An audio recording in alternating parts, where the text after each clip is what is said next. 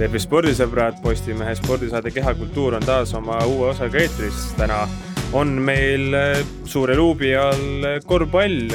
lootsime küll, et saame tegelikult selle käesoleva nädala Kehakultuuris rääkida kahest mängust, kuid äh, koroona olukord on juba selline, et, et see on parajalt ettearvamatu ja ja nõnda ju tänane või selle esmaspäevane, oleneb millal kuulate, Eesti koondise mäng äh, jäi ju ära, sellepärast et Põhja-Makedoonias oli, kui ma ei eksi, pool satsi enam-vähem oli ju koroonaviiruses ja arusaadav, miks mängida ei saa.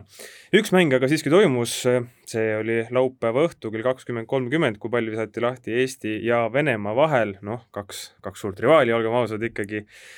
mäng Eesti jaoks lõppes väga koledalt, äh, viiskümmend kuus, kaheksakümmend neli kaotusega, venelased olid, olid meist üle igal veerandajal ja sellist, äh, kuidas me ütleme, ühte suurt spurti justkui tegelikult ei tehtud, et, et, et, et pidevalt-pidevalt äh, oldi etemad.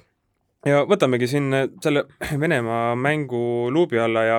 ja kui saate lõpus peaks aega jääma, noh, jääb ma luban, Jarmo, et jääb, et, et siis, siis räägime ka muudest EM valikgruppidest. minu nimi on Henri Lääne, mina juhin tänast saaret, minuga koos on siin stuudios ka veel Ville Arike ja Jarmo Jagomägi. kui need eh, mehed on korvpallispetsialistid, Jarmo, ma arvan, et sa armastad korvpalli rohkem kui oma elukaaslast. Ville, no korvpall on sinu jaoks nii oluline, et, et selleks, et me saaks seda saadet teha, siis sa lükkasid ikkagist auto rehvi vahetuse aja edasi, järelikult on korvpall ka sinu,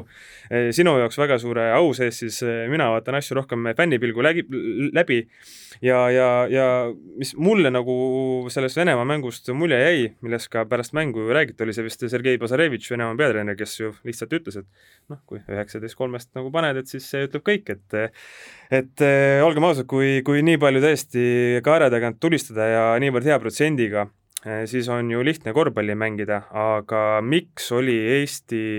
kaitse siis piisavalt auklik või nii auklik, et venelased said väga palju vabalt visata, et äh, need kolmesed olid ju tegelikult sellised äh, enamasti mängitud kas kate-kattest mängu pealt või siis äh, ütleme, ründak korvi söödad välja, et selliseid äh, põrgatuse pealt raskeid üle käte asju nagu väga palju ei olnud, et Strepkov oli see, kes paistis selle elemendiga silma. VTB ühisliiget jälginuna on ju teada, et, et see mees on selles, selles asjas veel väga osav ka, aga ütleme, Baburinid ja Lopatinid ja muud vahvad poisid, need enam-vähem said ikkagi sealt ju jalad maast tulistada jah, ütleme nii, et eh, see on sellise mitme, mitme asjaolu, olu kokkulangemine, et eh, võib-olla detailidesse jõuame saates natuke hiljem, aga aga eestlased võtsid seal mängus ikkagi teatud riske ja teadlikke riske, et kohe algusest peale näiteks eh, kõik katted vahetati, mingil hetkel seda taktikat muudeti, aga suht sageli jäi see, jäi see kehtima, see oli võib-olla üks pool, kuidas seal mehed sassi läksid, teine asi oli see, et kui, kui Venemaa saatis palli korvi alla, siis Eesti andis nõrgemalt äärelt abi, aga aga venelased osavate mängijatena leidsid kiiresti selle ühe vaba mehe ülesse, vajadusel anti üks lisasööt veel edasi ja igal juhul jäi keegi vabaks, et sellised, ütleme, et eestlaste võib-olla natuke liiga suur isegi ettevaatlikkus kaitses eh, oli, oli ühest kül-, ühest küljest see, miks, miks venelased jäid vabaks ja, ja muidugi pole midagi teha, et eh, Toiala rõhutas küll, et me peame mängima agressiivset kaitset, et saada, saada lihtsaid korve, aga tegelikult eh, tõele au, au andes seda materjali meil vähemalt Venemaa vastu jaga-, jagunud, et, et kaitses nad nii-öelda maha murda ja nii ütleme, et pick and roll mängust, pick and pop mängust kui ka individuaalses kaitses jäime hätta, et see oli selline, selline mitme asja koos, koosmõju ja, ja natuke paratamatus, et venelased nii palju kolmeseid tulistasid, aga, aga noh, nagu karta oli, siis natuke osavamad nad meie praegusest koosseisust on ka. Ehm, tere ka minu poolt, noh, ütleme nii, et tõesti see mäng väga-väga kuidas nüüd öeldagi, viisakalt. Väga,, väga-väga paha mulje jättis ikkagi, et noh, see sama paar päeva enne mängu siin kuuled ilusaid jutte, kõik läheme agressiivse kaitsega peale ja nii edasi, noh nüüd siis, kui mäng algab, siis selgub, et seda agressiivsust on sul võib-olla korvi all, aga noh, ütleme nii, et venelased tulid teise plaaniga nemad otsustasid siis äh, kaugemalt ka visata peale ja noh, oligi, oligi kohe nii, et need äh, viskad saadi seal, viskekohad saadi, mehed panid sisse ja, ja nii ta algusest peale ära läks, et selles mõttes äh, oli, oli just äh, kahju sellest, et äh, paari minutiga kümme-null, see annab ühele enesekindluse, teiselt võtab jälle ära seda kindlust, et äh, noh, oligi nii, et ega Eesti ei saanudki sellesse mängu sisse tegelikult ühelgi hetkel, et et selles plaanis noh, ütleme nii, et oleks kuskil teatud hetkeni suutnud pusida ja, ja siis teine jõuga võtab ära või midagi taolist, aga, aga noh, kõige õnnetum oligi just nimelt see, et et ega kohe alguses läks ära. Jah, üks asi, mis, äh, parandage mind, eksperdid, kui ma, kui, kui ma mitte millestki aru ei saa, aga üks asi, mis mulle nagu teravalt silma jäi, eriti alguses ja esimesel poolajal, kui Andrei Vorontševitš, venelaste ütleme nimeliselt vähemalt küll ju kõige suurem staar, äh, oli väga heas hoos, äh, ka, ka kolmese joone tagant, siis pahatihti jäi ta vabaks ju lihtsalt, mis see on, modernses keeles pick and pop, et eh, paned, ütleme, pikk mees paneb katte, eks ju, ja siis eh, läheb, eh, läheb kaare taha patrullima, nii nagu Kristjan Kitsing seda, seda hea meelega teeb, siis no. Vorontševitš jäi ikka ju väga tihti, jäigi täiesti üksinda, et, et ja ometigi see ei olnud, see ei ole ju mingi raketiteadus, et, et, et, et et ta oskab visata ja see ei ole ka mingi raket, raketiteadus, et selle mehega mängitakse pick and no, popi. see oligi tegelikult üllatav, et noh, kui seal alguses oli näha, näha, et hakatakse vahetama kõiki mehi ja nii edasi, siis ikkagi noh, ühel hetkel jäid need vahetused nagu poolikuks, jäid tegemata, oligi kohe tagajärg see, et Vorontsevits sai seal vabaks ja nii edasi ma olen üsna kindel, et meie treenerite tiim jagas selle lahti, et Vorontsevits, Vorontsevits viskab, et see ei ole mingisugune suur üllatus ja siin tulebki võib-olla see individuaalne pool mängu, et siin ütleme, et kas või mingisuguseid mängujärgseid pilte vaadata, siis on näha, et kuidas meie pikk, olgu seal siis Nurger või Kitsing, jääb pildi pealt selgelt näha, et ongi sammu võrra eemal juba viskehetkel sealt hakkabki see pihta, et kus see agressiivsus siis oli, mida me, mida me oleks pidanud otsima, et kui sa jätad, jätad sammu vahele Euroliiga mehega, siis ta panebki sulle ära ja ja paneb terve õhtu, nii lihtne see ilmselt ongi, et et öö, otseselt taktikalise põrumise taha siia, seda ma ei, seda ma ei paneks, jah. No tegelikult samas jällegi Vorontsevits viskas need oma kolmesed kõik esimesel poolel ära, teisel poolel ta enam ei pääsenud viskele, aga teisel poolel ka valvas äh, Kaspar Treier teda, kes tuli, äh, sekkus vahetusest mängu, et äh, et ikkagi noh, vähemalt see asi suudeti seal mängu käigus ära lahendada, et et nüüd üks mees enam-vähem kinni saada ja noh, ähm, kui nüüd seal sai mängu lõpus äh, sellises spetsiaalses botsgrupi äpis äh, ajakirjanikud, äh, kõigi riikide ajakirjanikud said esitada küsimusi, siis oli päris huvitav vaadata, et üks Venemaa ajakirjanik oli Vorontsevitsile esitanud küsimuse, et kuule, miks sa teisel poolel enam korvi, palju korvi ei visanud, et ainult esimesel poolel, nii et noh. Nii see oli. väga e-, eksistentsiaalne küsimus, et Täiesti. miks sa, miks sa üldse olemas oled, Andrei, palun räägi. Ehm, enne seda koondise agent, mis lõppes küll ainult ühe mänguga, oli ju ka juttu sellest, et kõikidel on eemale jääjad ja ka Eesti ka kahjuks sellest ei pääsenud ja, ja kui mõtleme näiteks ähm, siin suvisele Balti keti karikaturniirile, siis äh, Jarmo, sina kiitsid ju väga-väga suurelt äh, Sander Raiestet ja eriti tema kaitsemängu, öeldes, et ta on nüüd ütleme, sellise Eesti koondise kaitsemänguna mitte A ja O, aga ta on ikkagi sel, selles vundamendis selgelt olemas üks puuduja, kes veel oli, oli Maik-Kalev Kotsar, keda ju samamoodi teatakse kui eh, ikkagist üle keskmise, eh, üle keskmise kaitsemängijat. kas nende meeste olemasolul oleks võinud eh, see kaitsemäng kuidagi paraneda või oli asi rohkem selles, et meeskondlikult olid Venemaa vastu mingisugused, ei olnud mingisugused asjad paigas ja, ja lugi siis sealtpoolt, mitte siis nagu puhtalt nii-öelda individuaalsete oskuste peal? jaa, ma arvan küll, et nende meeste olemasoluga oleks olnud see mängupilt mängupilt teistsugune, et rünnakul isegi võib-olla nad poleks andnud mingisugust erilist käiku juurde, aga kui oleks saanud mõned pallid seal kas või alguses kätte, oleks saanud mõned poolkiired, oleks mees saanud sellist enesekindlust, et et jah, et põhimõtteliselt ikkagi Raiestet võib pidada peaaegu et tahaks jooks, et ta on selline, ütleme, et noor kangur natuke, et ta suudab katta mitut positsiooni, teisi juhendada, igale poole jõuda, et et võib-olla kui, kui seal olekski olnud näiteks all Kotsar ja kolme peal äh, kolme peal äh, raiest oleks saanud seal nii-öelda nii üks-ühe vastu jätta rohkem mehi, et poleks olnud seda ohtu, et pead kuskilt abi andma, et muidu iga, igal juhul põleb, et et selles suhtes äh, see on selline tagantjärgi ja oleksite peal teooria, aga aga ma ütlen nii, et jah, et nende meestega oleks saanud rohkem seda juttu rääkida, et me peame kõvasti panustama kaitsesse, kuigi, kuigi jah, et midagi peab ütlema ja kuskilt peab pihta hakkama no ma tuletan meelde, et Siim-Sander Vene ka puudus ja noh, ega tema ka ju on selline mees, kes ikkagi kaitses just nimelt, ta teab, et kus ta olema peab. et selles plaanis nagu noh, see on üks tema tugevusi olnud, miks teda siin Euroopas hinnatakse ja ta on saanud korralikesse klubidesse, et et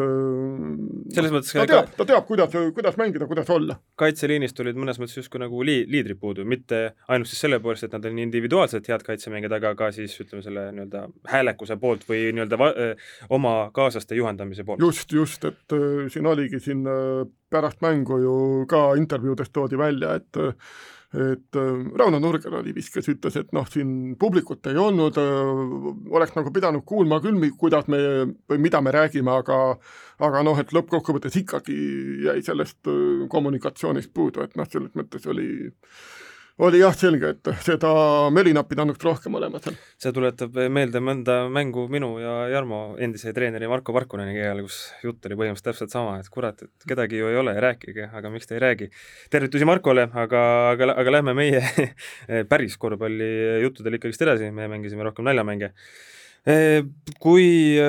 lähme edasi mängijate individuaalse arvustuse poole.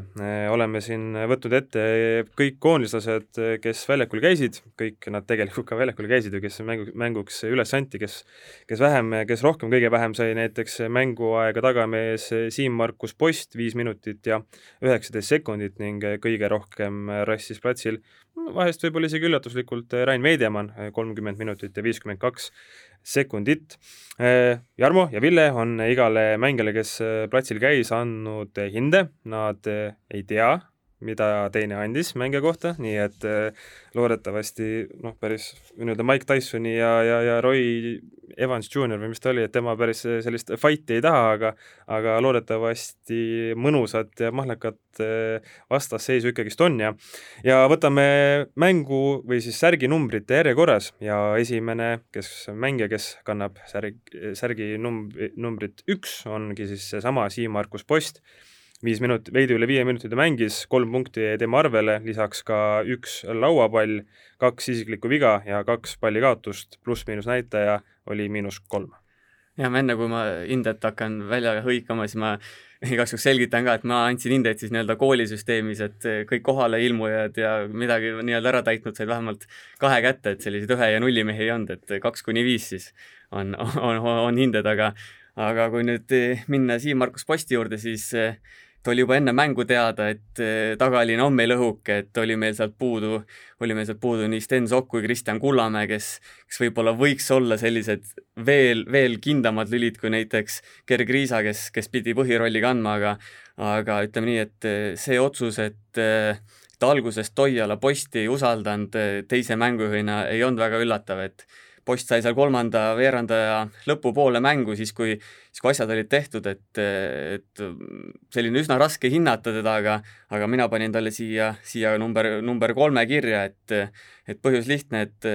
et ega ta väga muutust ei toonud ja ütleme, sellise viie-kuue minutiga kaks pallikaotust, pallikaotust natuke liiast, et üks selline päris lihtne autisööt ka, et et eh, osati nagu polegi midagi teha, et see mees mängib igapäevaselt TLÜ Kalevis, kes on Eesti klubi korvpalli üks nõrgemaid, ta pole sealgi ennast eriti heas küljes see hooaeg näidanud, et tal seal maade jagamine Brandiseri Rossiga käib, et selline vastavalt hooajale parajalt ebakindel mäng, et vähemalt sai, sai käe valgeks võib-olla selles suhtes midagi tulevikuks näppude vahele noh, mul siin postile samamoodi hinna kolm, et ütleme, ta mängis noh, selleks, et tegelikult üldse hinnet anda, ta mängis liiga vähe, aga noh, kui tuleb, tuleb midagi anda, siis kui käsi väänatakse, siis ei saa andmata no, ette. jah, vanasti, kui me jalgpalluritele hindeid andsime koondiste mängudes, siis noh, kes ikka alla kümne minuti mängis, see ei saanud üldse hinnet, nii et noh, nii ta oli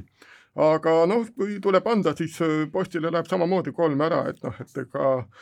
ega ütleme nii, et ähm, selle liiga mängija ta tegelikult ei ole, aga noh, kui ma üritangi hinnata just vastavalt mängija, mängija võimetele ja asjadele ja nii edasi, noh siis siis noh, ausalt öeldes see mäng oli kole küll, aga, aga noh, etteruttavalt võin öelda, et ega ega kahte on väga raske panna nendele no ma omalt poolt, Jarmo mainisid näiteks seda, et, et eemale jäid Kullamäe ja, ja Sokk, siis ma ei oleks nagu enne seda mängu osanud tegelikult ise kordagi nagu mõelda selle peale, et võiks olla, et oleks kahju sellest, et Sten Sokko pole. aga see, kuidas päris kiiresti jäime Venemaa rongi alla, okei okay,, tegelikult sealt ju ikkagist enam-vähem alguses roniti välja, aga tundus, et just oleks vaja sellist kogenud meest, kes oskaks nii-öelda mitte, mitte, mitte et nolgid paika panna, aga, aga, aga oska, noh, ütleme, kellel oleks ikkagist olnud võtta neid, neid kogemusi ja, ja, ja värke, et, et kuidas mees, meeskond maha rahustada ka seal platsi peal ja ja, ja nii-öelda, kuidas me ütleme, võimalikult kindlaid punkte tuua nii-öelda rünnak jooksma panna, et eh, Sten Sokk oleks, oleks ju selles mängus eh, number kaks mängujuhina olnud väga vajalik ja ilmselt oleks ta tegelikult ju mängu jooksul ka selleks number üheks tõusnud, sellepärast et Gerri Kriisani jõuame me vi viimasena, eh, aga, aga, aga tema esitus oli ju väga kehv. Jah, ja sinuga ju, Henri, enne mängu rääkisime ka, et see tagaliin on väga kahtlane, et nagu ütlesid, Kerrini jõuame, aga aga rääkisime ka, et Ker on, Ker on tubli poiss, aga kindlasti mitte valmis mängija ja nende muude faktorite juurde jõuame veel hiljem ka, et oli karta, et sealt käriseb ja käriseski kahjuks, jah. jah, et Sten Sokk, selline kindel paarkäsi, kellega julgeks, oleks, oleks julgenud mängida küll ja, ja keda oleks tegelikult vaja olnud, mingisugune jalavigastus oli jaa, ta on saanud mingeid süste siin järjest ja nii edasi, et oleks väga vaja olnud, oleks saanud mängida, aga, aga tundus, tundus mõistlikum, et ei mängi. Seniga ilmselt ongi see, et kaitses ta poleks ilmselt erilist sisakäiku andnud, aga rünnakul juba sellist rahu toonud küll, jah. just, just. no see on ilmselge jah, et nii palju, kui me siin teda mängus näinud oleme, siis noh, see kvaliteet tal on olemas on. Eh, lähme edasi, eh, Kaspar Treier, eh, üheksa sekundit alla kahekümne kolme minuti ta mänguaega teenis. no Treier on isegi julgeks öelda, et sel hooajal ju korvpallur, kes on kõige, kuidas me ütleme, rõõmsama üllatuse pakkunud või niimoodi, et, et eh, Itaalia tippklubis Sassaris on ta ikkagist ennast rotatsiooni mänginud ja, ja ja kui koondise eest varasemates mängudes, kui ta on siin olnud, noh, ei ole nagu erilist mingit muljet jätnud, siis nüüd oli vähemalt ju küll ootus tegelikult selge olemas, et mees tuleb ja näitab, eh, mida siis eh, ühe tugeva rahvusliiga, tugeva klubi mees suudab noh, kui statistikat pelgalt vaadata, siis eh, neli punkti, eh, seitse lauapalli, kusjuures see seitse lauapalli on Eesti kõige parem näitaja, sealjuhul, sealjuures ka veel üsna pika puuga, sellepärast et Gregor Hermetil ja Rain Meidemannil näiteks eh, lähimate jälitajatena on kirjas neli lauapalli, lisaks Treierilt kaks isiklikku viga, üks vahetlõige ja pluss-miinus näitaja pluss kolm, mis on Eesti Eesti parim. Ja, ja kui vaadata meestest, kes said arvestatava koguse mänguaega, siis näiteks Martin Paasoja on pluss-miinus näitaja poolest, oli tähendab, Treieri lähim jälitaja, temal oli see miinus üks, nii et võib öelda, et sellistest Eesti põhimeestest, kui pelgalt statistikat vaadata, siis ikkagist üks tähelepanuväärsemaid mehi. No just nimelt ja mina panin Treierile hindeks neli, et noh, siin küsimus ei ole ainult statistikas, noh, loomulikult seal mõni vise oleks võinud rohkem korvi kukkuda, aga aga noh, ütleme, et tema puhul oli nagu mängust näha, et ta äh, on seal Satsaris tugevas klubis, saab korralikke treeninguid, saab korralikke mänge, on nagu noh, tema, tema oli sellest venelaste rütmist tegelikult, ta pidas sellega sammu. ja ta oli, oli üks väheseid, kes sellega hakkama sai siin meie koondises, et et ma vaatasin asja pigem selle pilguga ja noh, ütleme nii, et et ka Treider ongi ju tegelikult selline ikkagi pigem rollimängija, klubis samamoodi nõutakse lauavõitlust, nõutakse korralikku kaitsetööd, kui võimalus tekib visata, siis viskab, noh, tema sõltub pigem minu meelest sellest, et kes tal ümber on kui tal on äh, hea kvaliteetsed mängijad ümber, ta ise ka muutub, äh, noh, tema kasutegur muutub suuremaks, et et ta ei ole selline, et ta nüüd võtab palli hakkab tingimata tegema või panema või niimoodi edasi. ja, ja noh, et Kristjan Kanguri moodi võib-olla selles mõttes, et noh, ja samamoodi nagu Kristjan Kangur ka Itaalias, äh, Itaalia tippklubis siin aastaid tagasi oli, Sienas ja Milanos, et et ega seal ju ka tema ülesanne ei olnud võtta ja teha, noh siis temal olid äh, teatud omad konkreetsed asjad, kaitset kindlustada ja, ja kui vabaks jäi, siis pani ära, et et noh, Treier on Sassaris, tundub suhteliselt sarnase mängu, mängupildiga mees ja, ja noh, sellest me peamegi lähtuma siin. nii et noh, temale alla nelja ma küll selle mängu pealt panna ei oska. Ja mina panin ka Kaspar poisile, panin nelja ja Ville jutuga suures plaanis nõus, et et nüüd tõestas ka siin koduplatsil ära, et see Sassari ots ei ole juhuslik, tõestas seda,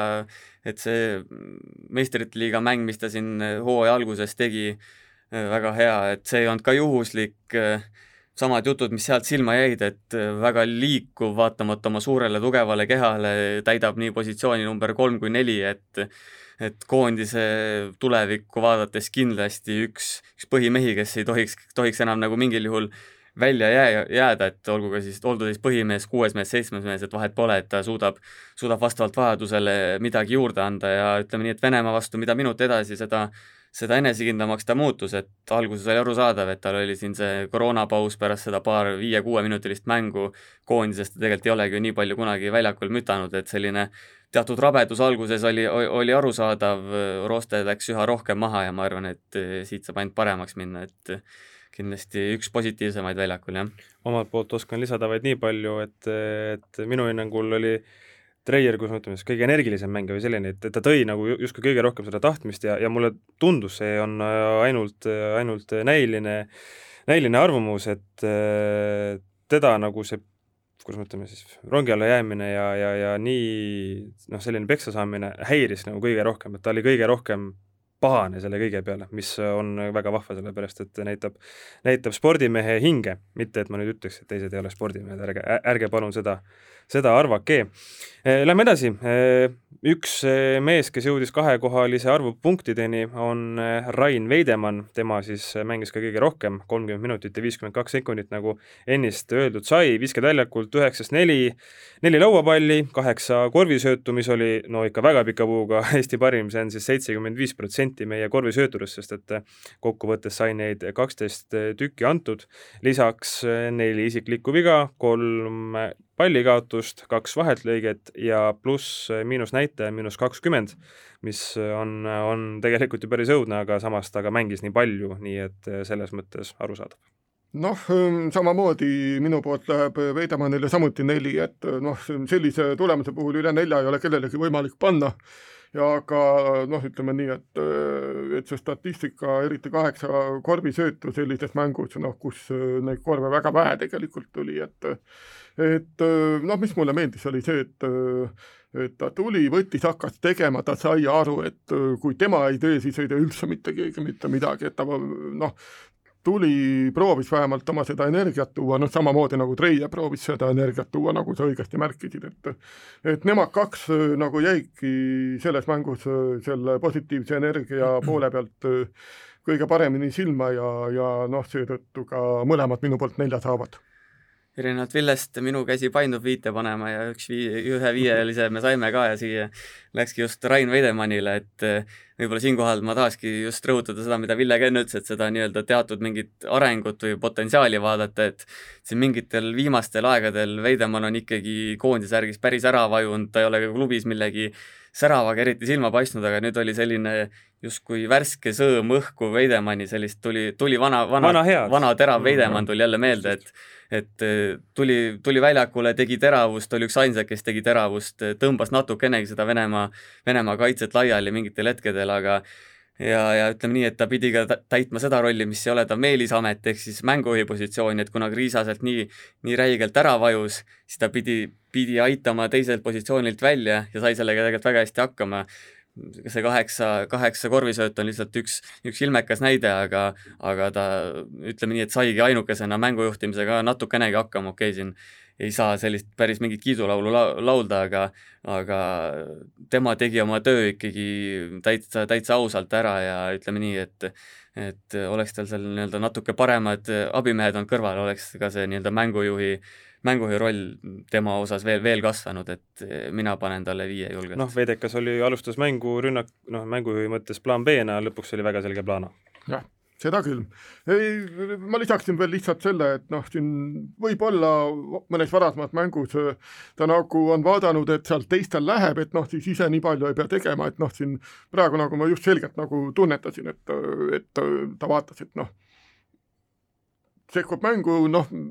algviisikust mitte keegi mitte midagi ei teinud, noh et noh, siis ongi selge, et noh, sa vahetuses sa peadki seda mängu elavdama ja tugevdama ja nii edasi, noh, selles mõttes nagu noh, vahetusmehed suutsid, suutsid seal äh, alguses ju esimesel veerandil selle null kümne pealt vahe päris minimaalseks vähendada, et noh, et teatud energiat seal toodi sisse. aga, ja teist, teisest küljest ka muidugi Veidemanni puhul noh, tundub, et et see mängupraktika, mis ta on Rostocki meeskonnast saanud ja Dirk Bauermanni käe all treenimine, et noh, ilmselgelt on kasuks tulnud. Jah, et see ongi niisugune kahe otsaga asi, et siin ütleme, kui mingid trellid Kullamäe, Traiest, et nii-öelda noored tegijad toimetavad, siis võib-olla jäigi Veidemann liiga passiivseks, et tema panust on ikkagi vaja ja on vaja ka siis, kui meil on isegi täiskoosseisus, et et et see, et ta on endiselt võimeline teravalt läbi murdma, okei okay,, paar kulpi sealt sai, aga aga, aga see oli igatahes positiivne märk ja jah, et see, ütleme nii, et Itaalia esiliigast tulles tal võib-olla sellist, sellist tuhhi ei olnud, aga ikkagi Dirk Bauermanni käe all on võib-olla vähe teised jutud, et ta ütles küll, et Saksamaa esiliiga on ilmselt nõrgem kui Itaalia esiliiga, aga aga jah, füüsiline vorm ja kõik paistab tal väga hea olema, nii et ka selline üks vähestest positiivsetest no jaa, nagu ta ise ütles, nagu ta ise ütles, et Powermani käe all sa lohe ei saa olla. Et äh, vahet ei ole, kas sul seal äh, väljaku kõrval on Powerman või Toial, aga, aga see mentaliteet jääb samaks. Eh, minnes edasi, järgmine mängija Tanel Kurbas, eh, viis minutit nelikümmend kaks sekundit mänguaega ja noh, kui eelnevate meeste hulgas oleme siin igasugust statistikat ette lugenud, ega siit midagi märkimisväärset ei ole, null punkti, üks lauapall, üks isiklik viga ja pluss-miinus näitaja pluss kaks, mis on siis paremuse teine näitaja Treieri järel, aga noh, kuna Kurbas nii vähe mängis, siis ega sellest ei, ei, ei oska ega taha mingisuguseid põhjapanevaid järeldusi teha. ja mina üldse igasuguse valehäbita panen Tanel Kurbasele kahe sellest erinevalt eh, Siim-Markus Postist ja Saimon Sutist oli temaga arvestatud ikkagi kindla põhirotatsiooni mehega, ta oli üks esimesi vahetusi, tema oleks pidanud olema see mees, kes kes mängib kaitses väga olulist rolli ja hoiab ka teatud teravustega võib-olla siis rünnakut üleval, aga, aga nagu pahatihti, pahatihti Kurbasega juhtub, kaob ta täitsa, kaob ta täitsa ära, seekord ei tulnud ka kaitses erilist panust, ühe korra korvi alla murdis suri seal piltlikult öeldes ära lihtsalt eh, pika Venemaa mehe vastu ja ütleme nii, et nii kogenud mängija, kes on kogu aeg ikkagi suures mängus sees olnud, et et eriti sellise koosseisu juures tema panust läheb igal juhul vaja ja ma ütleks, et natuke vedas isegi võistkonda alt, et mina ei, ei, ei häbene siin kahte panna talle ikkagi, jah. noh, päris siin, kui ma siin enne ütlesin, et ma viitasin, ei hakka sellise mängu pealt panema, siis ma millegipärast kahte ka päris ei pane, et noh, sama teema, et tegelikult ta mängis viis minutit, jah, okei okay,, ta oleks pidanud seal ilmselt suurema energiaga sisse tulema ja nii edasi, aga noh, siiski praegu läheb kolm miinus kirja, nii et et äh, ega siin rohkem väga lisada ei ole midagi. jah, ei ole tõesti. liikudes edasi, siis äh, üks algviisiklastest, äh, Gregor Hermet, kakskümmend üks minutit ja kolmkümmend üheksa sekundit, kuus punkti ta tõi, neli, neli lauapalli samuti, üks korvisööt, kolm isiklikku viga, üks pallikaotus, üks vaheltlõige, aga näiteks pluss-miinus näitaja oli Eesti kõige kehvem, miinus kakskümmend üheksa. jah, et panin siin mustvalgel kirja ka, et eh, Hermeti kogu selline hooaeg on olnud selline, et päris täpselt ei saagi sotti, et eh, sama oli nüüd koondises ka nagu Kaleviski, et mees on nagu kohal, midagi teeb, aga midagi jääb kogu aeg puudu, et et ega tast seal mingit reaalset efekti Venemaa vastu ei andnud, samas jalgu ka ei jäänud, et selline kindel võib-olla rollimees endiselt, et et ei teagi nagu, tahaks temast rohkem oodata, samas ta ei ole selline mingisugune äh, metsik talent või atleet ka, et äh, hindan teda siis äh, kolmega ja ongi selline, nagu me leheloos Villega kirjutasime ka äh, nagu enamike Kalevi meeste kohta, et ne rõõba, ne maassa, et ei liha ega kala, et et jah, selline jätab, jätab üsna, üsna selliseks kohmetuks. No kahjuks minu poolt kolm miinuset, noh, seesama, mis pluss-miinus ja miinus kakskümmend üheksa, et ikkagi äh, siis kui, siis kui tema väljakul oli, ega siis paraku seda Venemaa rünnakuid pidama ei saadud minu meelest, kui ma õigesti mäletan. sealt see kaotus tuligi, kui Hermetit ei oleks, oleks ühega võitnud ju. täpselt nii et äh, ega midagi parata ei ole, et äh, seda, seda, seda kaitse, kaitse poolt seal alguses aidata ei suutnud ja, ja ja lappama see mäng läks, et, et noh, kuus punkti neljakümne protsendise visketabavusega neli lauda, noh, see on selline okei okay,, aga, aga noh, suures plaanis siiski noh, ütleme nii, et ega ta ju mängib mängib seda kõrgemat mängu alles äh, esimest aastat siin VTB tasemel ja nii edasi, et noh, tal loomulikult kerge ei ole. Aga, aga jääb see kolm miinus, nii nagu siin see kalevlaste liha ei kala teema on. igaks juhuks toonitan, et see nali ei olnud tõsiselt mõeldud igaks juhuks, tänapäeva maailm on lihtsalt nii, nii pehme ja, ja, ja, ja, ja, ja kiiresti ja kergesti soluv, et igaks juhuks Gregoriga oleme mitu-mitu intervjuud teinud, mul on tema kohta öelda vaid häid sõnu. Kui lähme edasi, siis võtame mehe, kes on mõnes mõttes selline Eesti kaksiktornide liige, siis seal Kalev Cramos Hermeti kõrval, Rauno Nurger. kuusteist minutit ja nelikümmend kaks sekundit mänguaega talle, seitse punkti, sealjuures vabaviskajaid kaheksast viis ja kui ma ei eksi, siis viie, e-, esimesed viis või noh, need kõik, mis sisse läksid, olid vist järjest ja siis lõpus äh, olid, oli, oli kolm möödaviset, lisaks äh, kolm lauapalli, üks äh, pallikaotus, üks kulp ja pluss-miinus näitaja miinus kuus, mis kui seda pluss-miinus näitajate rivi vaadata, siis täiesti okei. Okay jah, panin jälle kolme nagu kogu tegelikult kõigile pikkad osakonnast, et et jah, natuke sama jutt, mis Hermetiga, et ega siin, kui sa klubi hooajal ei näita mingisuguseid erilisi asju, ega sa siis ei tule koondises Venemaa vastu ka näitama, et et äh, oli seal korvi all olemas, väga palju otseselt palli ei saanud seal, ütleme, mingid vabavisked sai poolenisti läbi õnne, et äh, eks ta selline natuke pehme on ja ütleme nii, et sellised äh, varutsentrina koondises hea, aga ütleme, et kui tema peale peaks rohkem vastutust panema, siis siis läheb raskeks, nagu on VTB liigas eluajal näidanud, et et jah, ei oskagi rohkem midagi öelda ta kohta. noh, minu poolt läheb äh, Nurgerile samuti kolm, et äh, et ikkagi teatud seda noh, just äh, enda kohta aktiivsust ta näitas minu meelest, et seesama kaheksa teenitud vabaviset, noh, vahet ei ole, kas siin nüüd äh, väikese õnnega koos siin mõni nendest tuli või mitte, aga, aga ta ikkagi püüdis seda korvi rünnata ja, ja noh, nii nagu siin korvialuse mehe ülesanne on, et, et ikkagi püüda vastasele ohtu kujutada ja, ja noh, kaheksa vabaviset ei ole paha number selles mõttes Janar Jõesaar oli Eesti resultatiivseim selles mängus, üksteist punkti jäi tema arvele, sarnaselt Rain Veidemanniga tegi temagi väljakult üheksa viset, ka mõlemal mehel siis tabavusprotsent oli nelikümmend neli koma neli, ehk siis neli viset läksid sisse, lihtsalt erinevalt Veidemannist eh, tabas Jõesaar ka ühe kolmese näiteks. veidi ja üle kahekümne üheksa minuti ta mänguaega sai ja, ja lisaks üheteistkümnele punktile on siis, eh, jäi tema arvele ka kolm lauapalli, üks korvisööt, üks isiklik viga, üks äh, pallikaotus, kaks vaheltlõiget ja pluss-miinus näitaja miinus kakskümmend kuus, mis on äh, just nii-öelda Hermeti järel teine tulemus, samas kui, kui mõelda nagu mängu enda peale ja vaadata muud statistikat, siis tahaks öelda, et see pluss-miinus näitaja on vale. Jaa, et mina ütleks selle üheteist punkti kohta nii, et see see on see, et äh, protokoll natuke, natuke valetab või ütleme nii, et selle, sellest ei tasuks suuri järeldusi teha, sellepärast et esimesel poolajal, kui, kui mäng seal teisel veerandil ära läks, siis selle ajani oli, oli Jõesaar ikkagi paraku,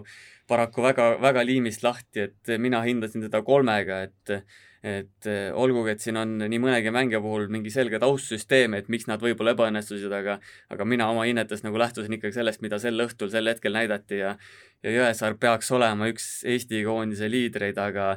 aga sellega ta hakkama ei saanud, okei okay,, ta ei ole see hooaeg klubis korralikult mänginud, aga aga see ebakindlus ikkagi nii-öelda paistis igalt poolt läbi, seal mingid visked lendasid ässa, kaitses suurt efekti ei andnud, et eh, kindlasti olid ootused, ootused tema suures, tema osas kõrgemad, aga aga nagu öeldud, siis teatud märgi on see klubihooaeg talle vajutanud, ma arvan, jah. jah, sama teema, et noh, tegelikult ju see õnnetu hooaeg seal Hispaanias Manresas, et päris palju pingil istumist ja, ja vaid mõnes mängus saanud mängida, et et noh, seda roostet oli selgelt näha, noh, mitte ainult tema, vaid ka siin mitmed teised mängijad, et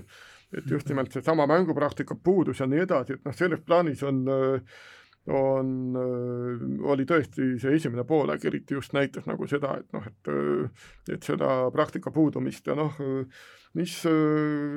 tore vähemalt see, et, et mees võitles lõpuni, ikkagi sai need oma, oma punktid teisel poolel kätte, tõsi küll, mäng oli tehtud selleks ajaks, et noh, et kõike seda, kõike seda arvestades just nimelt seda olematu mängupraktika pealt ma siiski panen sellele kolmele plussi taha, et noh väike ergutuski mehele. mille ma tuletan meelde või küsin, et millal Andrei Vorontsevits viimati mängis? ei, absoluutselt, täiesti nõus sellega, aga noh, ütleme nii, et seal on ka täiesti teisel tasemel mängumees, olgem ausad, noh. no just, see näitab nii mõndagi ära no.. mitmekordne Euroliiga meister, ta mängis jaanuaris viimati. just oli ka seal Venemaa Korvpalliliidu kodulehel temaga äh, temaga intervjuu just meenutati, et tema viimane mäng oli jaanuaris, praegu nüüd sel hooajal ta klubi ei ole. CSKA pakkus talle nii palju vähem raha, et mees seda lepingut või selle klubiga lepingut ei teinud, ühtegi teist klubi ka välja valinud ei ole, ehkki noh, ma kujutan ette, et neid pakkumisi on talle päris palju tulnud. aga näete noh, tegi siin viimased kuu aega koondise peatreeneri juures eratrenni, Pasarevitš ütles, et äh, juba selleks ajaks, kui Vorontsevits tema juurde jõudis, ta oli väga heas füüsilises vormis, ta oli ilusti suvel hoidnud ennast äh, konditsioonis ja nii edasi, ja noh, nüüd oli küsimus ainult selles, et kas nii-öelda see mänguline vorm ka tuleb ja nii edasi, aga noh, nagu näha, siis äh, selle, selle klassi pealt mees suutis ilusti ära teha. vorm on ajutine, klass on igavene. täiesti kui lähme Jõesaare Jõesaarest edasi, siis mees, kes alustas algkoosseisus, aga mängides sai vaid kaksteist sekundit üle kuue minuti, see on Martin Torbek ja vastu vaatab noh, laias laastus nullirida, äh, isiklikke vigu on üks ja pluss-miinus näitaja miinus kuusteist, aga kõik muud asjad on null, null, null. jah, et äh, Martin Torbek, väga sümpaatne korvpallur, tore inimene, aga aga midagi pole teha, et pidin talle, talle kahe ära väänama, et, et kui me räägime sellest agressiivsest kaitsest, siis tema peaks olema see nurgakivi, mille ümber ehitada selle koondisega seda kaitsemängu ja kui sa ikkagi lased, lased endast individuaalse kaitsega mehe lihtsalt mööda, siis ei saa, ei saa sellest ei saa sellest mingit juttu olla ja pole suur saladus, et Torbek rünnakul suurt midagi juurde ei anna, okei okay,, ta sopsab kolmesed ära, aga seekord, seekord ei jäänud ta vabaks, teravust ta eriti ei tee ja ütleme nii, et kui sa oled sellises vanuses mängija, sa oled nii palju VTB liigas mänginud, sa oled koondise ringis olnud ja ja nagu mingisugust panust ei, ei anna ikkagi satsile, siis on, siis on raske üle kahe panna, minu, minu silmis vähemalt jah, ähm, argumentidega nõus ja minu poolt läheb kolm miinuset, äh, natukene põhjendan siis, kui me ükskord treenerite juurde oma jutuga jõuame. No selge nii, selge, selge pilt, ähm, kui Torbek mängis kaksteist sekundit üle kuue minuti, siis Simon Sutt mängis kaksteist sekundit alla seitsme minuti. Ja, ja tema sopsas kohe alguses, kui ta väljakule sai ühe kolmese, rohkem punkte ta ei visanudki lisaks üks lauapall, kaks isiklikku viga, üks palli kaotus ja pluss-miinus näitaja miinus kaks. sarnaselt Postile sai siis ka kolmandal veerandal esimest korda mängu ja ütleme nii, et ma juba enne mängu aimasin, et nemad Postiga sellised, ütleme, pingimehed on, kes, kes nii-öelda võrdses mängus peale ei saa selline mängukäik andis võimaluse, ütleme nii, et midagi ära ei käkkinud, silma ei paistnud, ühe korra pudistas sellise sellise lihtsa palli lihtsalt käest out, et natuke vibra tuleb ikka võib-olla suures mängus peale, et niisugune kolm, kolm on niisugune, kolm on selline aushinne, ma arvan, et, et ega ta millegagi silma ei paistnud ei halva ega hea poolest noh, sama teema, et noh, nagu sa juba ütlesid, et ega tasavägises mängus Sutt ja Post poleks ilmselt väljakule pääsenud, et noh, Toialal selgelt on selline kümne mängija rotatsioon, et noh, seal esimesel veerandil juba oli, oli kümme meest väljakul käinud. kogu see põhiviisik siin vahetati tasapisi välja, tõsi, hokivahetust Toiala ei harrastanud, ehkki noh, ütleme nii, et soomlastel on hoki au sees kahtlemata aga Sutiga siis sama teema jah, et ega noh, ütleme nagu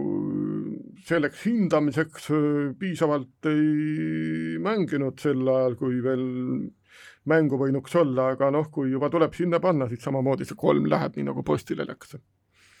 Pärast Sutti tuleb Kristjan Kitsing, mees, kes on Leedumaal kuulsas Riitases teinud ju tegelikult täitsa kenakese hooaja, aga Venemaa vastu oleks ju tegelikult rohkemat oodanud küll, et kuus punkti ta viskas, esimesel veerandil ju esimese mõne minutiga need punktid kahest kaugviskest ka tulid. mänguaega kaheksateist minutit ja nelikümmend kaheksa sekundit ning lisaks kuuele punktile veel kaks lauapalli kaks isiklikku viga, kaks pallikaotust ja pluss-miinus näitaja miinus kakskümmend neli ütleme nii, et Kitsing on selles mõttes huvitav mängija, et ta võib olla nii mõnelgi puhul võistkonna kõige resultatiivsem, aga ta ei ole nagu ikkagi otseselt võistkonna liider mitte kunagi, sellepärast et tema, tema punktid tulevadki põhimõtteliselt ainult visetest ja ja talle peab nii-öelda head kohad looma, et mina panin talle, talle kolme, et, et siin alguses sopsas kaks kolmest ära, tundus, et täna hakkab neid kolmeseid või sel päeval hakkab neid kolmeseid sadama, aga aga paistab, et siis venelased olid ka alguses natuke uimased ja pärast ikkagi ma olen suht kindel, et Bazarevitš ütles, et see mees paneb ja seda meest vabaks ei tohi jätta, ega ta rohkem visata ei saanud, et üks trett tal korvi alla lõppes ässaga ja rohkem ta sinna ei roninud, nagu nagu tal, nagu tal tavaks on, on saanud ja ja ütleme nii, et, et tema puhul võib-olla mängis kõige rohkem rolli see, et ta pidi olema nii-öelda eesliini liider, mis, mis ei ole tegelikult tema roll, et oleks seal kõrval olnud a la, ma ei tea, Kotsar Vene, siis oleks pidanud vastased ka rohkem neid jälgima, kuskilt võib-olla abi andma rohkem pikkade pealt, aga aga praegu ütleme nii, et eh, Hermet ja Nurger ei olnud, ei olnud nii, nii ähvardavad korvile, et, et kuskilt oleks sealt auke sisse jäänud ja ütleme nii, et äh, et ühest küljest nagu oleks rohkem, oleks oodanud rohkem Kitsingult, samas äh, tegi nii-öelda oma, oma ära ja sealt nii-öelda üle, üle varju ei hüpanud, jah. Noh, siin ütleme, sa ütlesid kõik ära, et mul ei olegi midagi lisada, ma panin samamoodi kolme Kitsingule, et just nimelt noh, et et ega tema ise ju neid oma viskeid ei loo, et äh, saab söödu ja, ja laseb lendu, aga noh, kui venelased siin kahe selle esimese kolmese järel nägid, et et sealt tuleb siis nagu rohkem, rohkem teda vabaks ei jäetud, et oligi kõik tegelikult noh tema, tema rünnakumäng oli, oli sellega läbi, noh. neli kaugviset ta tegi ja rohkem kaare tagant ei proovinud, mitte et seda oleks nüüd tohutult vähe, aga kuna Kitsing on tõesti ju väga noh, ütleme inglise keeles volume shooter, et väga, väga palju viskab peale, siis tegelikult see neli on selles mõttes ju täitsa pisike. kas ta seda nelja ei teinud mitte esimese nelja minutiga umbes ära? pigem oli. et pani kaks tükki sisse, kaks mööda vist oligi, et no, ja rohkem vabaks ei jäänud. ja, ja, ja, ja, ja, ja siis, kui sinna korvi alla läks, siis oli ju selja taga oli Baburin äkki või mingi selline väiksem poiss, aga sealt tuli äss, eks ju jah, et ega selles mõttes vähemalt äh, tark mängija, et vägisi ei hakanud äh, üle kätte mingeid hulle, hulle üritama, et noh, siis püüdis ikkagi, ikkagi võistkondlikus plaanis äh, teisi lahendusi otsida jah, e, eelviimane mängija, kelle ette võtame, on Martin Paasoja, tema sil-, Paasojal siis kakskümmend üks minutit, kaheksateist sekundit mänguaega, e, kuus sanga, e, kolm lauapalli,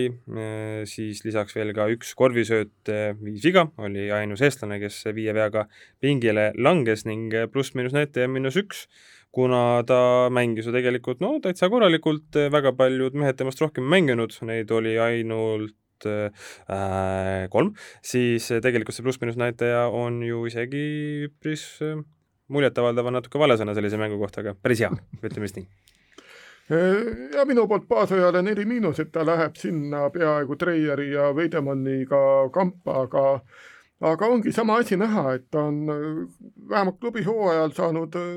mängida korralikult, mängida piisavalt ja mis sellest, et esiliiga noh, Veidemannil siin Saksamaa ja temal Hispaania esiliiga, aga aga noh, see mängupraktika olemasolu on, on näha ja noh, need oma kaks kahe punkti viset, mis ta tabas seal, võttis julgelt keskpositsioonilt, hüppas õhku ja, ja vajutas ära, et noh, selles plaanis nagu tegi paar, paar oma korralikku liigutust ära. ja mina panin ka baasojale mitte ka, aga panin, mina panin nelja ilma igasuguste mölludeta. kindlasti positiivse poole peale, et sekkus eriti hästi aktiivselt mängu käigus, võib-olla vajus natuke ära, aga, aga see, et ta on selline kompromissita võitleja olnud alati, see, see tuli ka sellest mängust välja, et tema ikkagi oli hammastega igal pallil järel ja ja, ja möllas seal platsil, et jälle võib-olla selline aastakese võrra kogenumaks saa-, kogenenumaks saanud, enam nii palju võib-olla rumalaid otsuseid ei tee, et okei okay,, siin võib-olla oleks võinud mingitel hetkedel rohkem rünnakul proovida läbimurdeid, samas Venemaa kaitse oli, oli päris hea ka, et ma arvan, et see neli on täitsa okei okay ja ja mängis ennast kindlasti jälle sellisesse ma ei tea, kas saab öelda, aga nii-öelda koondise ikkagi ringi, et see mingitel hetkedel võib-olla ta oli ka seal piiri peal, aga, aga praegu ikkagi ma ei tea, selgelt, selgelt parem kui Sutt näiteks, ma ütleks jah, ja ka Hispaania esiliiga ei ole ju mingisugune häbiasi, et ikkagist see, ta on tugevam kui nii mõnedki rahvusliigad ja, ja esiliigade mõttes Euroopas on Hispaania esiliiga kindlasti kõige, kõige tugevam ja sealt on ju Tuule Tiiberisse saanud väga paljud nimekad mehed tegelikult, nii et ütleme jah. absoluutselt. pluss tähtis on veel silmas pidada, et Paasoja mängib Hispaania esiliiga tugevas klubis, kellel on palju raha, kellel on ambitsiooni tõusta kõrgliigasse, ta on seal põhikoosseisu mees ja mitte skoori pärast, vaid nii-öelda siis musta töö pärast eelkõige. jah, ja seda, et klubil on palju raha, ei tõesta mitte see, et seal mängib näiteks Paasova, vaid see, et ta sõidab Lexusega klubi poolt antud Lexusega. Viimase mängina võtame siis ette Gerg Riisa, nagu enam-vähem alguses lubatud sai ka. no kui Jarmo rääkis, et Kitsing pidi olema siis selline või noh, eelduse kohaselt selline e eesliini liider, siis ega Kriisa puhul põhimõtteliselt võib sama öelda ju tagaliini puhul või osas ja noh, läks, läks, läks kõik halvasti, mis halvasti vist minna sai, et siin nelja kaugviset üritas, kõik läksid mööda, rohkem viskeid väljakult ei teinud neljateist ja poole minutiga null punkti tema arvele jäi, üks korvisööt, üks isiklik viga ja tervelt kolm pallikaotust ning pluss-miinus näitaja oli miinus kaheksateist. no me võime rääkida siin, et eh, noormees mängis viimati suve või seal juuni, juuli lõpus Soome vastu sõprusmängu, pärast seda Arizonas eh, teinud tugevat intensiivset trenni, kangi rebinud nüüd tuli eelmise nädala alguses, alles jõudis Eestisse, ajavad vahed asjad, aga aga ütleme nii, et kui sa lähed platsile ja pead hakkama möllama, siis eh, sel hetkel see see, see nii-öelda läheb meelest ära ja seda ei saa, seda ei saa sel hetkel enam arvesse võtta ja midagi pole teha. Gerg Riisale peab panema kahe, ta ilmselt, ta, ta, tal oli näost ka näha, et ta, ta ise oli, oli ülimalt pettunud, et eh, ei tulnud mitte midagi välja, et kui sa esimese veerandaja viie minuti jooksul juba kaks korda lased endalt mängujuhina, võistkonna liidrina palli käest ära võtta, siis siis asjad hakkavad allamäge veerema ja olgem ausad, see jah, kangitrenn oli jätnud jälje ka, need kolmesed lendasid, lendasid päris, päris kõveralt, eriti korvi poole ei lennanud ja ütleme nii, et eh, meeskonna liidrina jääd nulli peale, annad mängujuhina ühe söödu, et eh, seal oli kolm palli kaotust, eh, mis kolm, olid, mis olid päris lohakad isegi kõik et siis äh, ma, ma ei saa üle kahe panna isegi neid, seda taustsüsteemi arvestades. kuskil et, tuleb kooliraha maksta, ütlevad klassikud. et jah, nii on. no kooliraha jah, tuleb maksta, aga mina panen ka siin kolm miinusent, ma siin samamoodi siin varsti, varsti seletan, miks siin mängijatest mul keegi kahte ei saanud, nii et, et siin Kerri puhul ma võtan samamoodi kõik need, kõik need taustaasjad arvesse, et tegelikult noh, kui ta nüüd ütleb, et ta on nelja Ameerikas oldud kuu jooksul äh, läinud viis kilo raskemaks. Jarmo, mis sinu viskega juhtub, kui sa lähed jõusaali niimoodi, et sa nelja kuuga viis kilo seda mustrit juurde pumpad? ega need kilod ei mängi, platsil mees mängib ja Eesti kaotas selle mängu kolmekümnega, et siis nagu sa ei saa ju pugeda, ma ei usu, et ise ka selle taha poeks, et ma nüüd, et ta nüüd sellepärast ebaõnnestus, et ta on viis kilo juurde võtnud no mängil aga... lükaku siis kaitses Baburin ära out'i, nii et see mees ei taha korvpalli visata enam korvi suunas. no jaa, aga ütleme nii, et sellest taustsüsteemist tegelikult noh, mina poleks üldse Kriisat algviisikusse pannudki kellega sa oleks mänginud siis Veidemann Veidemann ise ütles avalikult, et ta ei taha mängida number ühe peal algkoosseisus no,. ta võib pärast seda, abistada. ma tean. aga ikkagi noh, kas või väga hästi ütles Venemaa peatreener Sergei Bazarevitš, noh küll mitte pressikonverentsil, aga hiljem äh, omamaa alaliidu kodulehele, et äh, jah, Baburin tabas küll viis kolmest, kuid tema põhiülesandeks oli kaitses eestlaste liidri ja kõige andekama mängijaga hakkama saamine. Kriisal ei tulnud midagi välja. võimalik, et teda mõjutasid ka teised asjaolud, kuid esmajoones seetõttu, et suhtusime kaitsetöösse tõsiselt ja see algas Baburinist venelased võtsid Kriisa nii pihtide vahele, et noh, selle rooste pealt, mis tal on, selle pealt nagu noh, ma ei imestagi, et tal siin võeti paar palli käest ära ja nii edasi, siin vahepeal võeti teda kahe mehega peale ja nii edasi, et noh, need venelased tegid kodutöö hiilgavalt ära ja noh, Kerr oli tõesti selgelt raskustes, aga noh, ta oli ka selgelt täiesti teine mängija võrreldes sellega, keda me siin neli kuud tagasi Leedu vastu nägime jah, aga Kerr, ma, ma olen nõus, et Kerr ei olegi selles süüdi, et koondises ei ole Sokku või Kullamäed, aga aga fakt on see, et kui Kerr platsil oli, siis ta oli kehv. nii nagu Baburi võis, nii, nii nagu Baburi võis teda hakkida, oleks võinud Kriisaga Baburinit hakkida vastu või keda iganes. et kaitses saad alati mängida, aga ei mänginud ka kaitses eriti hästi. jah, et see Bazarevitši lause on selles mõttes ju parajalt märgiline, et mäletame seda kuulsat Leedu mängu, kus Kriisa ajas Lekevitšus taga ju nagu hagias, siis nüüd oli noh, ütleme, rollid selles mõttes vahetunud, eks ju, et, et Baburin tõesti ju ilma pallita nägi ju meeletut vaeva, et Kriisa kas ei saaks palli või kui saaks, võimalikult ebamugavas kohas, keskkonna lähedal näiteks niimoodi, et kus lihtsalt läheb, on juba mitmed sekundid on, on, on maha läinud ja, ja, ja see juba halvab rünnakut. jah, alguses Baburin ja siis tuli veel Grigori Motovilov teda hakkima ja noh, siis nagu kogu aeg oli, kogu aeg oli seal selline press oli peal, et et noh, ma ütlen, selle selle kõige nende roostete ja värkide pealt noh, tõesti või nagu siin Pazarevitš lisas, et noh, nii noorem mängijal, üheksateistaastasel, ega tal, tal ei ole stabiilsust ja see oli ka asi, millega venelased arvestasid, noh. ja, ja ma rõhutangi oma kriitika puhul seda, et see oligi selle ühe õhtu kriitika, et muidu on Kriisa väga tore poiss ja ta kindlasti teeb suuri asju veel ja on teinud ka juba siin mingitel hetkedel, aga need suvisedki mängud näitasid, et Leedu vastu põrutas, järgmised mängud juba hakkasid, hakkasid vaikselt ära vajuma, et ta, nagu sa ütlesid, ta on üheksateist, ta ei ole valmis mängija ta pidi praegu võtma ikkagi üsna suure vastutuse, sellepärast et nagu korduvalt olen öelnud, polnud nii-öelda põhimängujuht ei olnud, et et Kriisale tuleb kindlasti aega anda ja selle, selle mängu põhjal ei saa teda üles puua, aga aga ütleme nii, et tema kehv mäng oli ikkagi üks Eesti kaotuse põhjusi Venemaa vastu. no jaa, ei ma olen nõus, tähendab, ma ei taha õigustada Kriisat, eks ole, ma ütlen, et siin on neid, neid taustsüsteemid ja asjad, mida mina arvestan oma hindamisel ja põhimõtteliselt ma panen mängijale kahe ainult siis, kui ta on väljakul lohe, laisk, ta ei viitsi mitte midagi teha, ta ei püüa. siis ma, siis ma panen kahe talle ülejäänud juhtudel nagu minu käsi ei tõuse mängijale kahte panemat, läheb kolm miinus kas see on ikkagi kolm miinus, mitte kaks. Sa oled hea õpetaja. Ei no kuule, no tõsiselt, no mida me nüüd hindame, eks ole, noh. No. kui me püüdlikkust ka üldse ei hinda, eks ole, noh siis noh, siis ma arvan, et see õpetaja koht ei ole koolis, noh no vot, nagu ütleb A Le Coq, siis asi on maitses ja aga lõpetuseks, enne kui arvustamise lõpetame, siis e, soovisite rääkida ka treeneritest. absoluutselt. mikrofon on teie. mille ma... palun alusta siis? sa oled no, siinkohal kriitilisem kui mina, mulle tundub kahjuks, kahjuks on nüüd treeneriping see, kes saab kahe minu käest selles mängus, noh midagi parata ei ole. Juka Toiala siin nüüd noh, või äh, lähme korra selle kuulsa Leedu-Taani mängu juurde, mille Leedu kaotas omas kodus Vilniuses, okei okay,, seal ka pealtvaatajaid ega midagi ei olnud, aga no peatreener Darjuk Maskoljunas pärast mängu selgelt nagu ütles, et äh, tema süü oli see kaotus, äh, tema kraesse võib kõik panna, noh.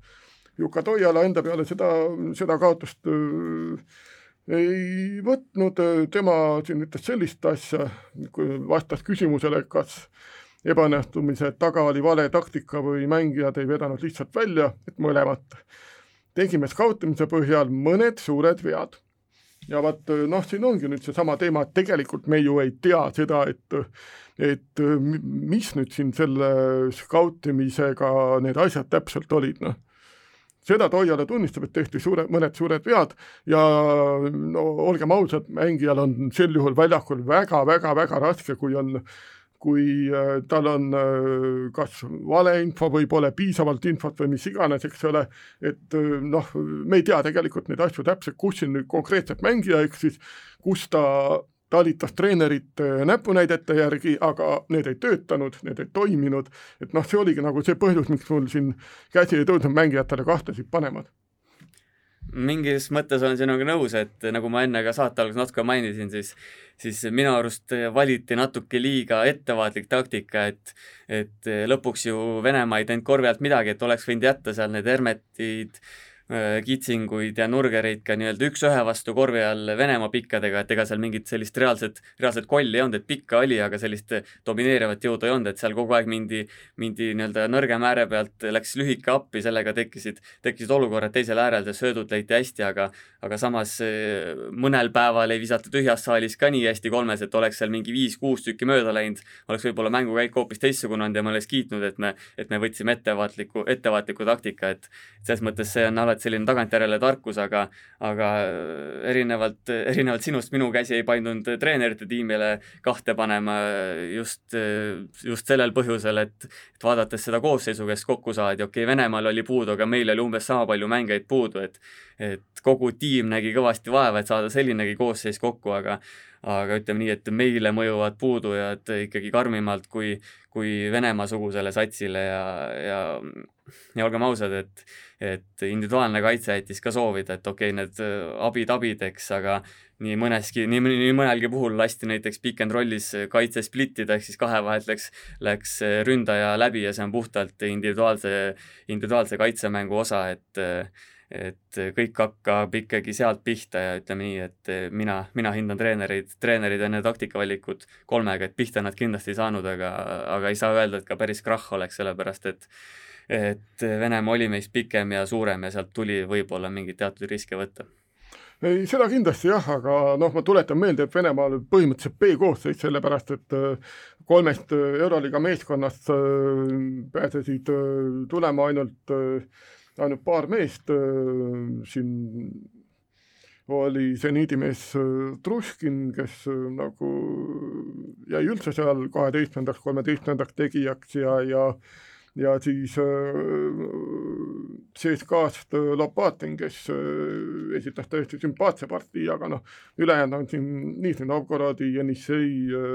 mängijad, Permi Parmast või siis Lokomotiivi ja Unixi sellised äh, sellised seitsmes, kaheksas, üheksas mees, Motovilov, Antipov, et noh, siin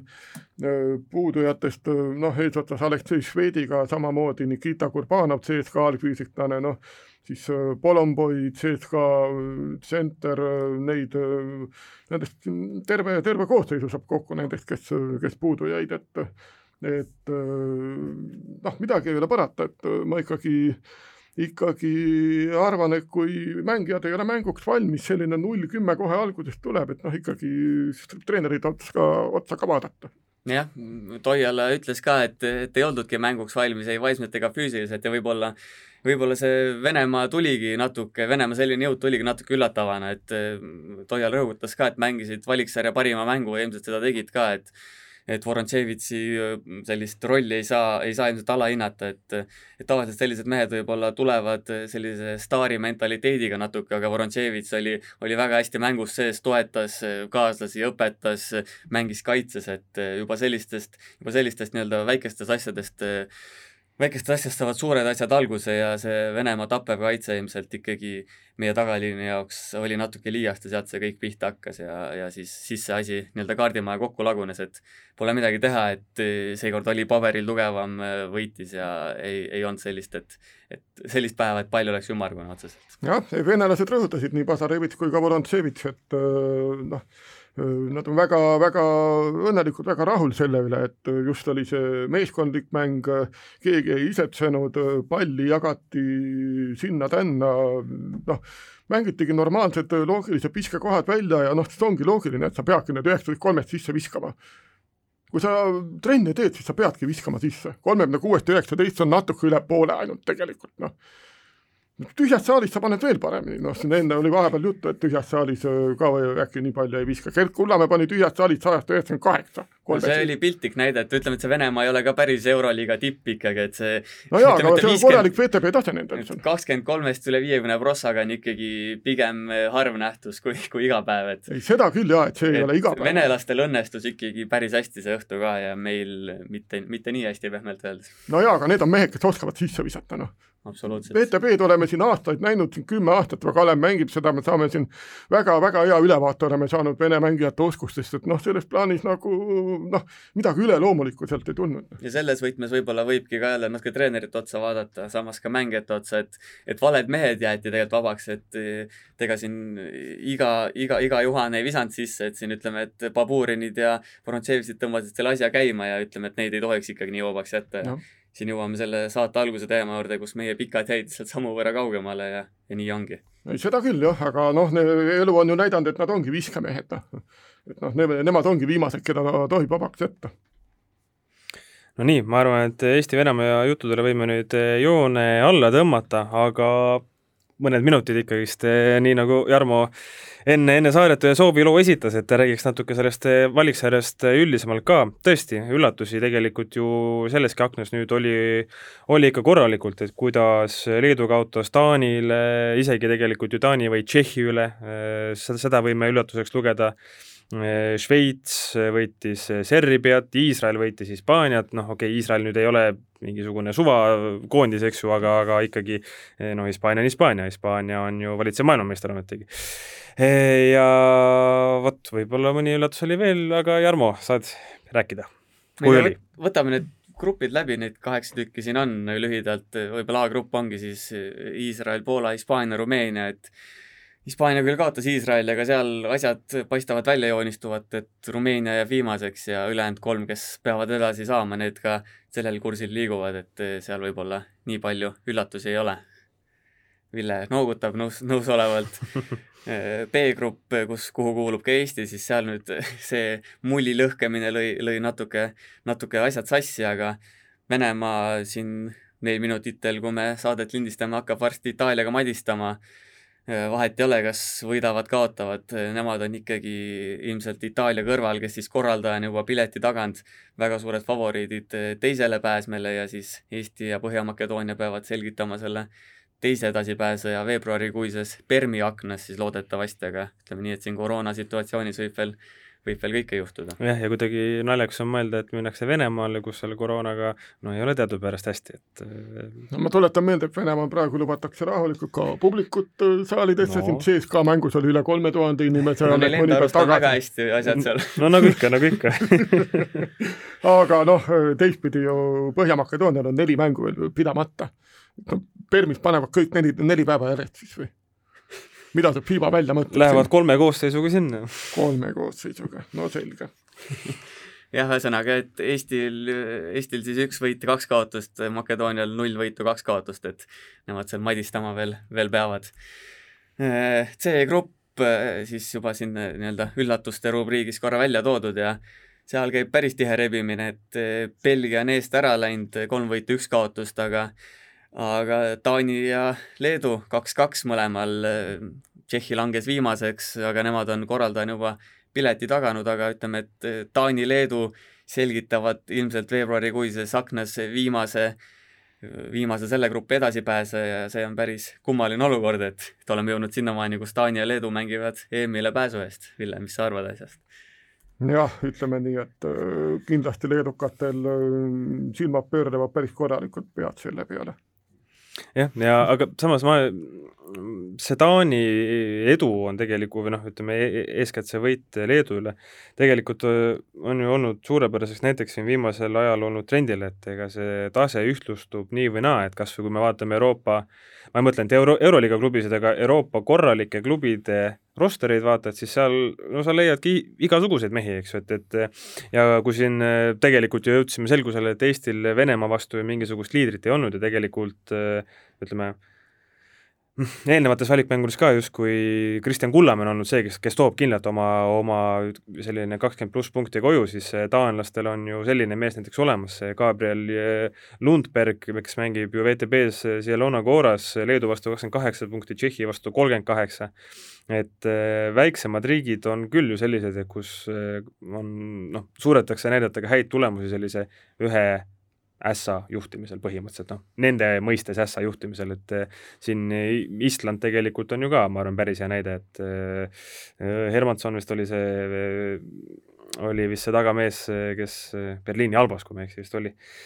oli ja mängis, et, et noh, eks väiksed riigid küll, aga ega see ei tähenda, et nad nüüd, nüüd korvpalli mõistes mingisugused mõttetud lödipüksid on, nagu öeldakse. jah, et ühest küljest see FIBA Euroliiga sõda ka jätkuvalt mõjutab, mõjutab kogu süsteemi, aga ikkagi nagu isegi kui sa, on mõned põhimehed puudu, siis äh, olen nõus, et see nii-öelda ühe, tase on ikkagi ühtlustumas, sellepärast et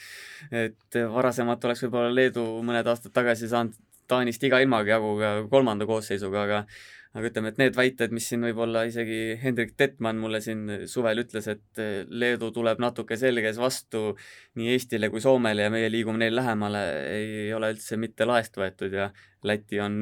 miks mitte, et Leeduga isegi parematel päevadel juba, juba suhteliselt võrdsel tasemel näiteks, kuigi mitte küll, mitte küll teise koosseisuga, nagu ka siin järgmiste alagruppide juures jõuame arutada veel. Jah, et noh, ma ise jällegi, kui sellele Taani näitele mõelda, palju te Taani korvpallurit teate siis, et Lundbergi ma just ütlesin, on ju palju veel, ma rohkem ei tea küll kedagi. kunagi ma mäletan, oli, oli Kristjan Treier, kes oli ju väga andekas mängija, aga circa kolmkümmend või natuke varem oli, kui ta vigastuse tõttu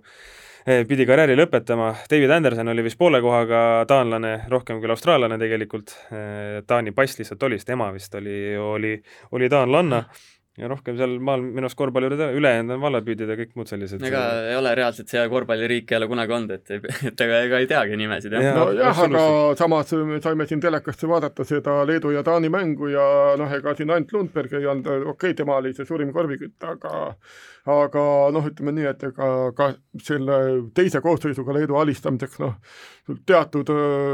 teatud vähegi ühtlast seltskonda ka läheb vaja ja noh,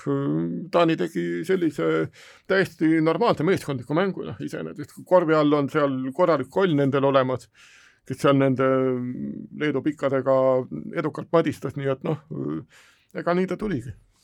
ja, ja, ja samamoodi eile veel ju Tšehhile võit, noh et ega ühe mehega, ühe mehega sa ei võida. nii on. järgmine grupp, D alagrupp siis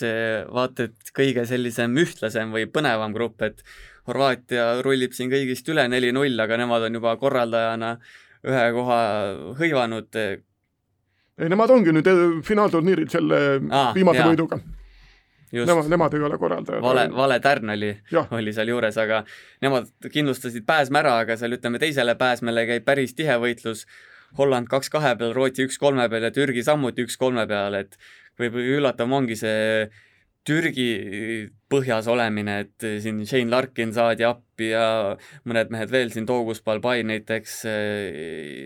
Istanbuli Anadolu Efesist, aga, aga ei, ei, ei saadud siin Horvaatiale näiteks näiteks üldse vastu ja, ja, ja ütleme nii, et Hollandi vastu võeti väga napp võit ära ja sellega jäädi kuidagi ellu, et et ma ei tea, Rootsi ja Holland ilmselt ei peaks enne Türgit EM-il ikkagi olema, kui paberilt vaadates nojah, aga ega Türgil ka ju sama probleem, et siin ikkagi mehi puudu ja, ja noh, nüüd Türgi puhul nagu näiteks me näeme seda, et kui seal härra Erdogan ütleb, et on vaja, siis ka tehakse ära, noh. Anatolia Efese mehed mängisid neljapäeval Euroliigat, järgmine päev olid koondised. eks see et, Türgi puhul on tegelikult siin... ju naljakas see ka, et, et kui siin MM-il eelmine aasta lisaajal jäidi Ameerikale ja napitele, tegelikult nad oleks pidanud selle mängu võitma, siis nüüd on korvpallisõja selline tulem on, on, on säärane, et nüüd on raske EM-ile isegi jõuda. Jah, aga samas Türgi on ikkagi korvpalliriik, kes peaks olema suurturniiril igal juhul no, esindatud, et, et see, et see on ikkagi jah, aga kui nüüd eile oleks kaotatud äh, Hollandile, siis see oleks tähendanud, et Holland ka oleks kindlustanud edasipääsu. Türgi, Rootsi oleks mänginud kahekesi selle viimase pileti välja tollest alagrupist, et noh, kus äh, Rootsi on Türgit juba võitnud korra ja, ja eelisseisus sellega, et noh, siin nagu see on mina, tõesti kõike, kõike juhtub. minu jaoks selline asi ka, et ühest küljest on, on, on hea meel, et suurtel ei ole kerge, sellepärast et äh, noh, see on ju vahva, see on, see on punk, kui mingid sellised noh, laias laastus suvalised korvpalliriigid nagu, nagu Holland äh, või, või, või Taani suudavad näidata häid tulemusi ja reaalselt võitlevadki EM-pileti nimel. aga teisest küljest on nagu päris nukker ka, et kui sa mõtled, et EM olekski näiteks selline, et sul jääb eemale, ma ei tea, Leedu, Türgi, Horvaatia näiteks, noh, see ei ole, see, see ei ole absoluutselt normaalne. et minu soovitus on see, et teeme EM-i selliseks, kus kõik saavad peale ja siis vaatame, kes on parim. No ega palju puudu ei jää, noh, kolmkümmend kaks meeskonda mängib kahekümne nelja koha peal, kaheksa tükki ainult lendab üle parda praegu, noh. jah, ja need kaheksa, aga need on tõesti sellised mudasatsid selles mõttes, et ja on... kui Eesti jääb siin välja, siis sa ütled sama või? ei. Aga Eesti võib falli välja jääda kahjuks, aga, aga see selgub juba veebruarikuus, aga, aga siin jätkates samal lainel, siis ega E-grupis on ka selline seis, kus, kus eh, suur korvpalliriik jutumärkides Šveits võib eemale jätta Serbia või Soome näiteks, et praegu on need kõik kolm meeskonda üks-kahe peal Gruusia on nagunii korraldaja, aga nemad ka alagruppi juhivad, aga aga tagapool käib tihe rebimine ja ei tea, ega siin soomlastel on, on päris vesi ahjus, et Markkanenid ja siin ütleme, Kobanenid kaasa ei löö, siis ega neilgi jääb natuke õhukeseks asi. Jah, siin veel äh, täna mängud tulevad, et noh, selles plaanis väga-väga äh, olulised kahtlemata, et et Soome, Serbia ja Gruusia, Šveits, et äh, noh, Šveitsi võit Serbia üle lõi neid kaarte sassi siin parasjagu nii on. F-grupp äh, ka selline suur, suur segadus on siin võib-olla valitsemas, et äh, Sloveenia selgelt äh, gruppi juhib, aga Ungari, Ukraina, Austria, kõik seal ütleme, on veel võimalus, võimalus nii-öelda tabeli sees ümber veerata, okei okay,, Austria null kolme peal võib-olla selline loogiline, Ukraina üks-kaks, Ungari kaks-null, et no ma arvan, et Austria on läbi siin omadega, aga noh, siin on ju see teema, et et Ungari juba enne mulli sisenemist oli koroonaga hädas ja ei jõudnudki kohale lõpuks, nii et siin selles grupis praegu, praeguses selles aknas kolm meeskonda omavahel mängivad ja ja, ja siin, kui nüüd Austria kaotab ka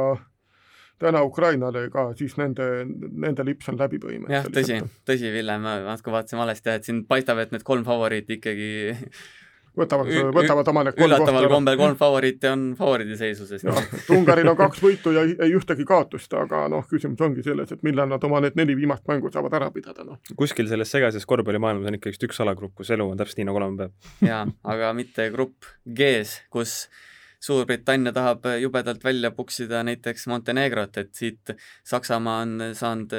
neljast mängu või kolmest, neljast mängust kolm on saanud tuppa, aga nemad korraldavad EM-i, nii et neil probleemi ei ole. Prantsusmaa kolm ühe peal ja siis Suurbritannia, Montenegro kaks kahe peal ja võitlevad seal, et Suurbritannia pole korvpalliriik, Montenegro pigem on. aga eile Suurbritannia võitis Montenegrot. ja mitte vist vähe isegi. nii. No vot, ajad on segased, aga küll viimane on... viimane grupp ka. veel on üks grupp, andke kõige tähtsam grupp. rääkige, rääkige. grupp. grupp H ja Läti, meie toredad naabrid, kes eh, siin ütleme, saavad kogu aeg kiita, kui kui kõvad korvpallurid neil on Euroliigas, NBA-s, aga, aga tutkit, et siin valiksarjas sellest kasu ei ole, mängitakse Eesti-Läti liiga meestega, mõned võib-olla VTB liiga mehed ja teised teised sellid sekka ja midagi parata ei ole, üks-kolm vastab, vaatab vastu. Kreeka vastu siit eh, üks, ütleme isegi peaaegu et ellujäämisvõit saadi kätte, aga aga eh, eilne mäng Bosnia-Hertsegoviinaga jälle, jälle üsna kindel kaotus ja ega siin midagi kindlat ei ole, Bulgaariaga edasipääsu peale ilmselt mängitakse ja ütleme nii, et eh, kui täiendusi ei saa, siis Bulgaaria võib, võib vabalt sellele Lätile siin ära karistada ka. jah, ega see veebruarikuise mulli Läti-Bulgaaria omavaheline mäng tõenäoliselt otsustab siit selle viimase edasipääseja, sellepärast et Kreeka ja Bosnia eile saadud võitudega juba kindlustasid, kindlustasid finaalturniiri pileti ära ja, ja siin keegi võib küll nendele järele jõuda, aga mõlemad, Bulgaaria ja Läti, kindlasti nendele ei jõua, nii et noh, üks nendest kahest jääb viimaseks. nii, nüüd võime jah, võime, Jarmo, Jarmo, Jarmo tõstis pöidla püsti, järelikult võime tüürida kindlalt lõpusadama suunas, tund kaksteist on täis tiksunud, üks aegade pikemaid saateid, aga aga olgu nii. Ja kui korvpallimaailmas on segadust palju, kes saab EM-ile, kes mitte, siis see on küll sada protsenti kindel, et järgmine kehakultuur on järgmisel esmaspäeval ja et teemaks on lõppenud autoralli MM-hooaeg. aga korvpalliteemad, küll nad mida, millalgi ikka uuesti tulevad, nii et korvpallisõbrad, teie ärge heitke meelt, vaid püsige lainel ning aitäh kuulamast ja kohtumiseni juba nädala pärast